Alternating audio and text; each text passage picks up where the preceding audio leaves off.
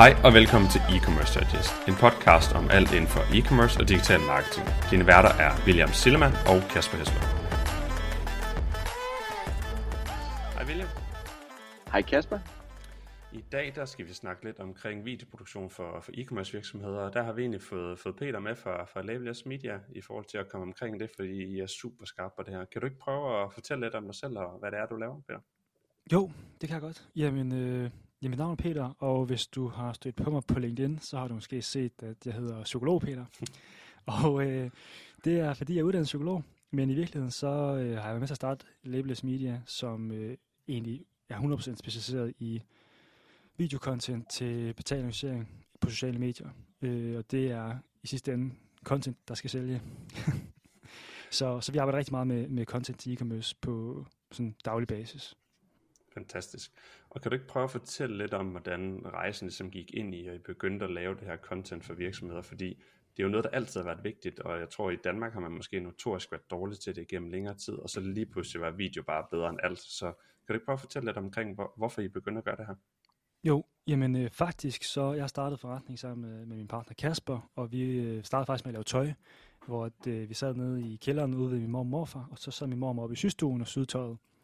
Og der fandt vi ret hurtigt ud af, at content det var vigtigt, så begyndte at lave content. Og øh, ja, så begyndte andre virksomheder at spørge ind på, hvor vi fik lavet vores content. Så begyndte lige så stille at, at lave content for andre, men bare sådan helt klassisk den måde, altså sådan klassisk freelancer, de starter på. Og så øh, kendte jeg Benjamin fra T-Shoppen, som øh, jeg har spillet fodbold med ham. Og øh, han var sådan, øh, han sagde, hvem, hvem fanden skal man gå til for at få lavet Facebook-videoer, sagde han. Fordi han var begyndt at køre hårdt på på annoncering der, inden, inden alle havde set ham på Facebook. og så var vi sådan, jamen, den, den griber vi. Det skal sgu da være os. Øh, og ud fra man siger, det også i røven, så øh, udviklede vi et, øh, et koncept og et framework for, hvordan vi så kunne få det til at give mening, både man siger, for os som, som agency, men også for webshops. Altså, hvordan kunne de reelt set skabe forretning på det? For der var jo et, et, et tydeligt øh, gap i markedet på det tidspunkt i forhold til, at så der betalte du mange penge for én video, og det passede ikke lige på, på setup'et, som, øh, som en e-commerce typisk sidder med på, på paid social. Giver rigtig god mening. Og Peter, for at springe, øh, springe direkte ud i det, nu, øh, nu nævnte du, at øh, I hjælper virksomheder med at producere knivskarp content til, til YouTube, sociale medier og diverse. Øhm, hvis vi starter øh, helt fra toppen, når man har fået produceret det her content, hvor ofte øh, skal man, øh, skal man øh, skifte sit content, og, og hvad er det, typisk ser gennemsnitligt for jeres kunder? Hvor ofte skifter de content? Øh, et, et meget bredt spørgsmål. Øhm, og, en, og en anden ting, som jeg også synes er mega interessant, det er, er der, er der nogle situationer, hvor det giver mening faktisk ikke at skifte content, og bare fortsætte med noget always on, evergreen content? Eller hvad, hvad er din, øh, dine erfaringer og tanker her? Jamen, det er jo det, øh, det gyldne spørgsmål næsten. det er det. og, øh, og som, øh, sådan, det, er, og det rigtige agency, agency svar er jo, uh, it depends. men men hvis, jeg skal, hvis jeg skal gå lidt mere ned i dybden, så kan man sige, så det vi kigger rigtig meget på, det er øh, størrelsen af adspend i virkeligheden. Øh, både i forhold til, øh, hvor meget content skal man bruge, og hvor ofte skal man have nyt content. Men, men i sidste ende så handler det også om, hvordan performer ens content. Så hvis jeg skal starte bagfra, hvor du siger, at der er nogle situationer, hvor man ikke skal skifte, øh, vi, vi differentierer faktisk mellem at kalde ting always on, og så kalde det evergreen. Altså evergreen skal man ikke slukke, fordi evergreens er jo annoncer, der fortsat performer. Øh, og lige snart, at, at vi har annoncer, der fortsat performer, og vi holder os inden for den seasonality, som, som brandet har, eller produktet har, jamen, så lader vi det bare køre. Øh, så i virkeligheden, det vi egentlig øh, anbefaler at gøre, det er, det, men det handler ikke om, at, og det lyder måske så paradoxalt, men det handler ikke nødvendigvis om at få det bedste content til at leve. Det handler om at få rigtig meget godt content til at leve, så du kan øge dit adspend. Øh, så på den måde så vil jeg sige, jamen hvis ikke at du rammer den i røven, og du ikke kan øge dit adspend, så skal du lave rigtig meget nyt content hele tiden. men hvis du virkelig rammer den i røven hver gang, jamen så kan du måske nøjes med at lave adspend lidt sjældnere, alt efter hvor hårdt du, øh, du vil presse den med, med adspend. Men man kan sige, hos os der, øh, der er sådan de gennemsnitlige, de får skiftet content øh, hver øh, måned, øh, nogle gange to gange om måneden, og nogle får hver anden måned. Men det er sådan i det spænd. Der, det er sjældent, der, der er få cases, hvor de kun skifter hver kvartal. Øh, og når jeg siger skiftet content, jamen så er det øh, et skift indebærer øh, minimum seks stykker content. Okay. Og nu nævnte du, at det typisk var baseret ud fra adspend og også gerne en eller anden form for performance. Og der tænker jeg, at det er eventuelt ROAS, man kigger ind i, om man rammer et eller andet diminishing returns, at en annonce typisk, eller stopper med at, at performe i form af CPA eller, eller ROAS. Men er der noget i forhold til frequency, som man skal være opmærksom på med content? Eventuelt, når man har en gennemsnitlig frequency på, lad os sige, over 30 dage, på over 5 eller over 10 eller 15, eller er der et eller andet pejlemærke, folk kan bruge til sådan, som en indikation på, at nu burde man overveje sit content? Det er et godt spørgsmål, fordi jeg elsker at snakke om, øh, om metrics. og og mm. vi laver jo det, vi kalder high converting video ads, så det vil sige, at vores content går efter en kommentering. Øh, og det er den, den, sige, den hårdeste kommentering, vi kan få lov til at lave. Så hvis vi laver øh, content, eller hvis man laver content, øh, for det kan jo være alle, øh, som skal sælge, så vil jeg aldrig kigge på frekvens, jeg vil aldrig kigge, kigge på CTR, øh, når jeg bedømmer contentet, så vil jeg kigge på, jamen, hvad, hvad for en metric, hvad for en metric er det her content lavet til at performe på. Fordi at hvis du har lavet øh, noget content, der skal, øh, nu siger jeg bare, øh, køre en awareness-kampagne, så ser det helt anderledes ud, end det content, du skal lave, der skal skabe salg. Så jeg vil ikke kigge på frequency, hvis jeg har lavet øh, content, der skal sælge, så vil jeg virkelig kigge på, ja, det kunne være ROAS eller på CPA'en. Øhm, så, så, ja, så det, vi er sige, meget fokuseret på at sige, jamen, om I laver content selv, eller om I får andre til at lave content for jer, øh, så lav det med et formål og en meget, meget tydelig, øh, meget, meget tydelig fokus på den metric, I laver det for eller til. Det er rigtig god mening. Jeg har også lige et follow spørgsmål. Jeg synes jo, du berører et rigtig spændende emne med, at det handler ikke om at lave det bedste og det mest perfekte, men det handler om at få volumen i det, fordi jeg tror også tit det, jeg ser på marketing-siden generelt, uanset om det er social på en af vores kunder, eller, eller YouTube eller noget andet, det er også, som du selv nævner, metrics, okay, det er topfunden, er det bottomfunden, er det performance, man arbejder mod, eller det er bare at få noget reach og så videre. Og der er det ofte et spørgsmål om, om, om volume i antallet af videoer, mere end det altid kun er om et stykke, det fungerer rigtig godt, for det er bare et spørgsmål om tid, før den ligesom knækker, fordi den, den bedste videoannonce, den er ikke god, når du ser den 100 gang. Altså, og det er derfor, det der antallet af videoer, det køber jeg sindssygt meget ind det synes jeg er rigtig interessant. Ja, og, og, og en evergreen video, den har jo per definition nærmest en, en typisk, i hvert fald en høj frekvens, men når du har en meget, meget høj målgruppe, især når vi opererer i Danmark. Mm. Nu kan jeg sige, at jeg sad for, jeg tror det, i starten af sidste år, der snakkede jeg med, med Rasmus fra Herlost, hvor han sagde, og det var vores første møde, hvor han sagde, jeg har nok set jeres annoncer, altså 50 gange over de sidste par år. Mm. Hvor han sagde, så høj frekvens, det virker. øh, og, og, det, og det, man siger, at nu er jeg jo super biased, fordi at jeg, jeg er psykolog, så, så jeg tænker jo meget på mennesket. Men, men jeg tror, at mange webshops kan godt komme til at gå lidt for meget op i at monitorere alle metrics, øh, og, og kigge lidt for meget på tallene i forhold til at kigge på øh, mennesket, øh, som skal modtage det. Og med det sagt ikke, at man ikke skal kigge på tal, men, men have lidt mere simpel approach til, øh, hvad er det egentlig for nogle tal, man, man kigger på, øh, når man producerer sit content. Øh, så langt hen ad vejen tror jeg, at, øh, at rigtig mange webshops vil komme langt med at sige, når vi producerer content, så producerer vi det mod det kunne være CPL, eller CPA, eller ROAS. Ja, giver rigtig god mening.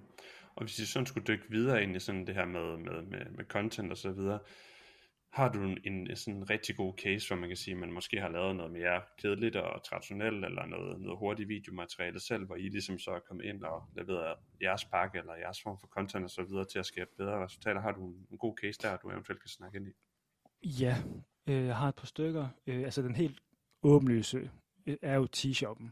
Øh, men, men den kan jeg lige, bare lige nævne kort, øh, fordi jeg tror måske, de, de fleste, der arbejder med e-commerce, de kender måske t-shoppen, og, og de har virkelig fået brændt nogle penge af på, på sociale medier, og, og øh, det var meget tydeligt. Øh, altså vi var med på rejsen der, hvor det gik fuldstændig amok, øh, hvor de gik fra at producere på telefonen til, at vi bare man sige, fik op i kvaliteten og sat struktur i, i indholdet. Øhm, og ja, det gik jo fra at være et, et lille lager på 170 kvadratmeter til, nu kan jeg ikke engang tælle til så mange tusind, deres kvadratmeter fylder nu, eller deres lager fylder nu i kvadratmeter. Men man må sige, en lignende case er måske sådan noget, som øh, vi har arbejdet sammen med nogle, der hedder bambustøj, hvor da vi snakkede med Michael første gang, jamen der havde han også et lille lager, og det var hans øh, datter, der pakkede på deltid, så pakkede han også selv til, altså sådan, måske lidt mindre ekstrem, men nu er de jo, altså, øh, 10 medarbejdere har et øh, stort flot lager, og han behøver sikkert være så stor en del af driften. Øh, så, så der er sådan flere eksempler på, hvor meget, hvor meget content det har rykket, altså sådan, øh, og hvor meget det kan rykke en forretning. Og det er jo ikke nødvendigvis, fordi det er os, der producerer det. Det handler langt højere grad om, at der er kommet en struktureret tilgang til, hvordan, man, altså, hvordan de arbejder med det internt. Fordi i perioder, der har øh, T-Shop også selv overtaget internt deres content, det, så har vi det nogle gange taget tilbage, og sådan lidt frem og tilbage. Og det er jo ikke fordi, at det hæmmer deres vækst som sådan. Det er den strukturerede tilgang til at, at arbejde med det, der, har, der har, ligesom, skaber en forskel. Det er rigtig god mening. Og normalt der ser jeg, Peter, at rigtig mange de genbruger det samme content, øh, måske for at spare tid, men også ressourcer i forhold til social på, på sociale medier som Facebook, Instagram, TikTok, Snapchat, som man også gør på YouTube osv. Hvad, hvad er dine tanker egentlig til det her? Jamen, det er jo min helt store kæphest, du snakker ind i her.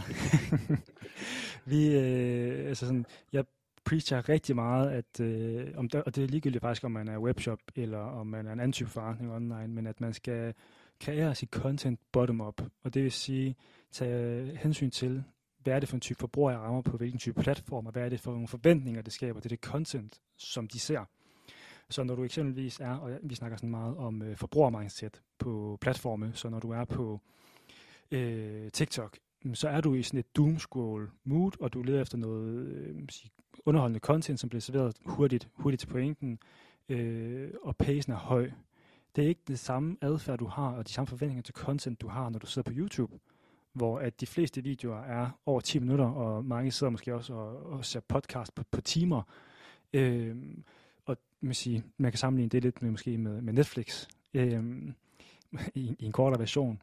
Så det betyder også, at det stiller nogle andre krav til, når man producerer content dertil. Øh, nu tænker jeg især på paid-delen, at når du laver ads til YouTube, så for det første, så skaber det også, at du opererer nogle helt andre rammer, hvor hvis du laver en øh, non-skippable in-stream ad, altså de her annoncer her, hvor at, undskyld, en skippable in-stream ad, øh, hvor de her annoncer her, hvor du ikke kan skippe de første 5 sekunder, jamen så skal din video ikke nødvendigvis peak til at starte med. Altså din annonce skal ikke peak i sekund 1, som den skal på Facebook eller TikTok, eller nærmest i sekund 0. Øh, men derimod ved sekund 5, øh, hvis du øh, øh, laver en non-skippable in-stream ad, så er det jo nærmest som tv-reklame. Så er du køre sådan en, nærmest en helt klassisk, øh, traditionel øh, storyline øh, med klimaks i, i din annonce. Øh, kontra, som jeg siger, hvis vi køber på Meta-platformen eller på TikTok, jamen så, så skal der ske noget inden for 0,4 sekunder, øh, der hooker dem. Vi fisker lidt mere efter attention der, fordi at øh, folk er hurtigere videre. Så, så på den måde, så, øh, så, ja, så er der kæmpe forskel. Og, og jeg tror, en stor, man sige, det, vi ser rigtig mange webshops, der har eksempelvis så svært ved at bryde igennem med YouTube-ads, på samme måde, som de gør på Meta. Og jeg tror reelt set, det er fordi, at i stor grad er det også fordi, at de ikke investerer de ressourcer, de kræver i at få produceret altså ads specifikt til kanalen. Øhm, og det er det samme med, at vi kan, også, altså vi kan også se, at hvis du kører meta-ads på, på TikTok, jamen det performer ikke på samme måde. Men den anden vej rundt, fordi at TikTok er så dominerende som platform, jamen så er der noget spillereffekt på meta-platformen, så det kan godt performe på meta. Øh, men men sådan, for at kode det helt ned, så handler det jo om, om ja, at gå bottom op til værks og, og sætte forbrugerens mindset og sige, hvad er det, de forventer til platformen af, af indhold.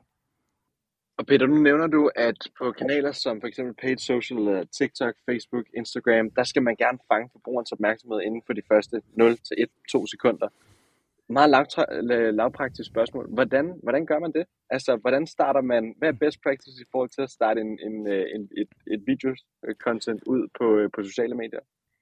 Jamen, hvad best practice er, kommer nok det der på, hvem du spørger, så har det et eller, andet, et eller andet forskelligt navn. Der er nogen, der kalder det en hook, der er nogen, der kalder det what the fuck moment, der er nogen, der kalder det noget tredje. Øh, man siger, når jeg skal fortælle folk, hvordan de bør åbne en video, så prøver jeg at gå sådan lidt mere øh, psykologisk til værks, i forhold til at sige, okay, hvordan er det rent set, at mennesker, de, øh, hvordan er det information processing virker for os mennesker? Hvordan er det, vi modtager information og forstår det? Så en hook kan principielt deles op i to dele der er sådan at attention, som er sådan perifær opmærksomhed, som sådan vildt er biologisk, øjnene der flakker, og så er der så, som er sådan lidt mere øh, altså fokus, eller sådan lidt mere reel attention. Øh, og de to ting skal gerne ske samtidig, og det er forskelligt, hvordan du, du skaber de to ting. Fokuset er relevans, øh, så det skal være noget, der er relevant. Det giver måske mere end sig selv. Den perifære attention, eller sådan den biologiske attention, øjnene der flakker, jamen der arbejder vi mere på sådan noget, med, der kan man arbejde med sådan noget som eksempelvis movement, eller øh, det bizarre effekt. Det er sådan noget, øh, det er et psykologisk begreb, men hvor hvis du scroller igennem et feed, der er øh, hvidt, hvis du så møder noget, der er bright pink, jamen så springer det ud. Altså det er meget simpelt. Øh, så i virkeligheden så er nogle, nogle ting, der bare adskiller sig fra det, du ellers ser. Og, og, der, og nu, nu går jeg måske lidt ud af en vinkel, men derfor tror jeg også, at, at video i sig selv som format, øh, performance øh, for video for, som, for sig selv i format, kommer til at dale, fordi at der kommer til at være, være, være mere og mere video. Så det, at du bruger video, adskiller sig mindre, så kommer til at stille højere krav til det content, du især som e-commerce skal producere og være langt mere bevidst omkring, hvordan du fanger folks opmærksomhed med, de her, med sådan nogle elementer som det her eksempelvis. Det, øh, det tror du er helt ret i, Peter. Og hvad, når I, øh, når I enten når I initierer et, øh, et samarbejde med en, øh, med en ny kunde, og I skal hjælpe dem med content production, øh, eller et, et, et fast samarbejde, som I har, hvad er det så, du typisk ser som den største udfordring, når det kommer til at få produceret det her content? Er det noget i forhold til budgetter? Er det noget i forhold til øh, at prøve at gøre produktet mere sexet og spændende? Eller er det i forhold til, at man ikke har det rigtige udstyr? Eller hvad, hvad, hvad er de typiske udfordringer? Øh, den typiske udfordring, de har, inden de kommer til os, eller når vi samarbejder med dem? Begge dele, hvis du Begge vil gøre det kort. jeg tror, inden de kommer til os, så handler det om at få et øh, kontinuerligt setup. Altså det der med, altså contentproduktion kan godt være en tung proces. Det behøver det ikke at være, men, men det der med at have struktur i tingene, det, hvor skal man starte, hvis ikke, altså en webshop er jo ikke nødvendigvis et, et, et uh, content house i sig selv. Så hvor skal man øh, få strukturen fra? Det tror jeg så egentlig godt, man kunne købe sig til bare konsulentydelser. Øh, så er der noget i forhold til lyst og sådan nogle ting. Øh, mm. Øh, men det vi nok ser typisk, der er en største udfordring, det er netop, at der bliver indbygget sådan et, et feedback loop i det, vi har produceret, hvad kan vi bruge det til bagefter? Hvordan bliver vi klogere? Øh, når man så samarbejder med os, så tror jeg, at den største udfordring for rigtig mange webshops, og det kunne jeg forestille mig er, er lignende for rigtig mange borgere, det er man sige, overblik og ressourcer øh, til sådan at, at man sige, prioritere et godt samarbejde. Øh, fordi ikke, at vi ikke godt kan levere, og vi kan faktisk levere det hele, uden at man behøver at røre en finger, vi kan bare stille produkterne på, på deres webshop. Men, men vi ser bare, at i de scenarier, vi er jo dybt afhængige af, af paid social agencies, så i de scenarier, hvor paid social agencies også og brandet samarbejder, det er der, vi skaber nogle af de bedste resultater. Øh, fordi i sidste ende, jamen, så er man jo som e-commerce ejer eksperten, typisk, typisk eksperten på sit produkt, øh, har nogle insights øh, i produktet øh, og i målgruppen, som det er svært at have som agency. Vi plejer sådan at sige, at øh, du kender målgruppen, vi kender mennesket. men, men det er virkelig vigtigt, du kender målgruppen. Punktum. giver, giver rigtig god mening, og jeg tror også tit, at det er jo lidt ligesom at snakke branding, ikke Peter? Så det der med, at man skal jo ligesom købe ind på rejsen, man skal købe ind på, at det er måske en anden måde, man skal arbejde med det på, for at opnå de resultater, man gerne vil, og så videre, ikke? Fordi videoproduktion er ikke en nem ting. Rigtig mange, de fejler jo rigtig tit i det, fordi de måske forventer, at det, det kræver mindre, og ikke investere det. Og en helt anden ting er jo tiden. Du snakker også det med kontinuitet.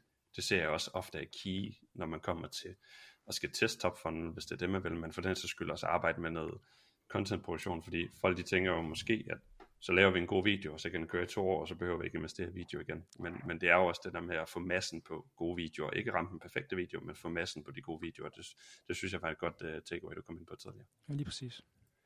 Men når man så har, har kørt uh, content i noget tid, er det så, så jer, fordi det her med at lave en debrief efter noget content har kørt i en periode, er det så jer, der tager next step med kunden der og så videre, og hvordan er den, det, hvad kan man sige, den struktur på det, fordi jeg tænker, I må have et incitament i at få lavet noget mere videoproduktion for kunderne, men måske agency, der sidder på den anden side, har også noget incitament i det, men kunden har også noget incitament i det, fordi det er en win-win-win hele vejen rundt om bordet, hvis man lykkes med det her. Ja, jo, altså nu kan jeg fortælle, hvad vi gør, men man kan jo virkelig også gøre det selv øh, mm. på den her måde her. Øh, men i virkeligheden, så øh, jeg vil starte med at sige, konteksten for alt det her, det er, at reelt set, så sælger vi jo ikke video. Vi sælger jo vækst. og det lyder måske meget fint, og sådan, men, men det, nu kommer pointen i det, fordi øh, det handler ikke om det enkelte video output. I virkeligheden så handler det om, at øh, hvordan kan vi optimere på indholdet, så at vi man sige, gør det muligt for jer at øge os adspend. Det er en vækstcase, antager jeg her, e-commerce vækstcase. Mm. Øh, og det vil sige, jamen så skal vi lave en debrief eller en feedback på contentet, for at det overhovedet kan lade sig gøre, så skal vi er nødt til at følge et struktureret framework. Og det er faktisk et, en udfordring, jeg ser for rigtig mange, og det er både e-commerce, men generelt folk, der siger, annoncerer på paid social, det er, de laver en fed annonce baseret på en mavefornemmelse, og så bagefter prøver de at analysere på den. Øh, det vi gør i stedet for, det er, at vi har, laver nogle hypoteser, og så laver vi noget content, der kan teste de hypoteser, og vi bygger content op efter et struktureret framework, vi har et framework, der bygger oven på noget psykologisk teori, men i virkeligheden bare det, man har et framework, så er man øh, for, altså foran 90% af alle andre, hvis man bare har struktureret tilgang til at gøre det. Øh, det betyder så, at når vi måned for måned debriefer, jamen, så går vi man siger, dataen igennem, vi går seasonality igennem i forhold til kampagner og produkter, og så siger vi, okay, hvordan kan vi bruge den her data til at man siger, producere de nye, de nye, koncept, de nye koncepter. Nu har vi testet det, det og det, og de her hypoteser holder stik, de her gør ikke. Hvordan kan vi videreudvikle på de hypoteser og teste nogle nye samtidig? Øh, og det gør vi på månedlig basis, hvis vi producerer på månedlig basis. Så der er sådan et indbygget feedback loop i vores indhold, og det er jo ligesom hele pointen, det er, hvordan bliver vi bedre, fordi øh, ellers så, så er det held og mavefornemmelse. Øh, og det er jeg ikke smart til. Nej, og det, det, giver, det giver jo rigtig god mening det der, fordi man kan jo godt ramme den i røven og være heldig, og så de 10 næste videoer, man laver, det fungerer bare ikke. Altså, så, så igen, det er det der med kontinuitet, og så er det jo bare better to do something than nothing. Altså, hvis der er en idé bag, hvorfor man gør tingene, er det jo bedre, end hvis man laver noget, man ikke ved hvorfor, men at det så virker, for så kan man ikke komme frem til, hvorfor det har virket. Helt sikkert, og, og jeg, noget, jeg sige, tænker meget over, øh, sådan meget aktuelt lige nu, er sådan det her med, øh, det der med at gøre noget. Jeg, jeg tror, det er den der, der er sådan en bog, der analyserer noget med verdens rigeste mennesker, eller, eller hvad det er, og hvordan de, hvad de har til fælles, hvor det der med, det de har til fælles, det er, at de eksekverer. og, og, det er jo lidt det samme her, de webshops, der øh, vækster mest, dem vi har størst succes med, øh, og dem, der generelt vi også ser, der har størst succes med content, det er dem, der virkelig får eksekveret. Øhm, fordi at øh, de bliver klogere hele tiden, og forfiner deres craft, og ja, lykkes i sidste ende. Så kan godt være, at de har fejlet tusind gange, men, men hvis de bare rammer den i røven tilpas nok mange gange, så vejer det op. og her til sidst, Peter, for lige at, at runde af og, og give vores lytter noget, øh, noget helt konkret og at gå herfra med. Et meget bredt spørgsmål, et meget stort spørgsmål, men også en, en super øh, interessant, øh, noget super interessant, som, som, øh, som, som vi meget gerne vil øh, pick your brain omkring. Det er, hvordan får man så lavet det her high performance content? Det er et meget bredt spørgsmål, men øh, har du nogle insights i forhold til, hvor lang skal, vi, øh, hvor lang skal videoerne være? Skal der være tekst på de her creative assets? Hvor meget tekst skal der være på? Skal de være sjove, humoristiske? Skal det være mega farverigt og pang, øh, pangfarver? Eller skal det være mere nedtonet? Øh, skal der være musik indover? Skal der være undertekster? Har du nogle, øh, nogle konkrete takeaways i forhold til, hvordan man strikker den perfekte video sammen? Ja, jeg kan tage den bagfra. Øh, musik, ja. Undertekster, ja. øh, nu, nu tager jeg, jeg tænker, jeg kan lige nævne sådan nogle meget karikerede eksempler på sådan den rigtig, sådan rent praktiske udførsel, så kan jeg tage nogle lidt mere high level, sådan strategiske eksempler, som man kan sige er gældende for alle. Men ja, musik, ja, øh, undertekster, øh, vigtigt, er næsten efterhånden øh, blevet standard. Øh, humor er altid noget, vi er meget påpasselige med, fordi altså, der er rigtig mange studier, øh, forskningsstudier, der viser, at øh, humor er godt til at persuade, altså øh, forføre folk. Men det er også sådan, at det kan falde i to kasser, enten så er det sjovt, eller også er det virkelig cringe.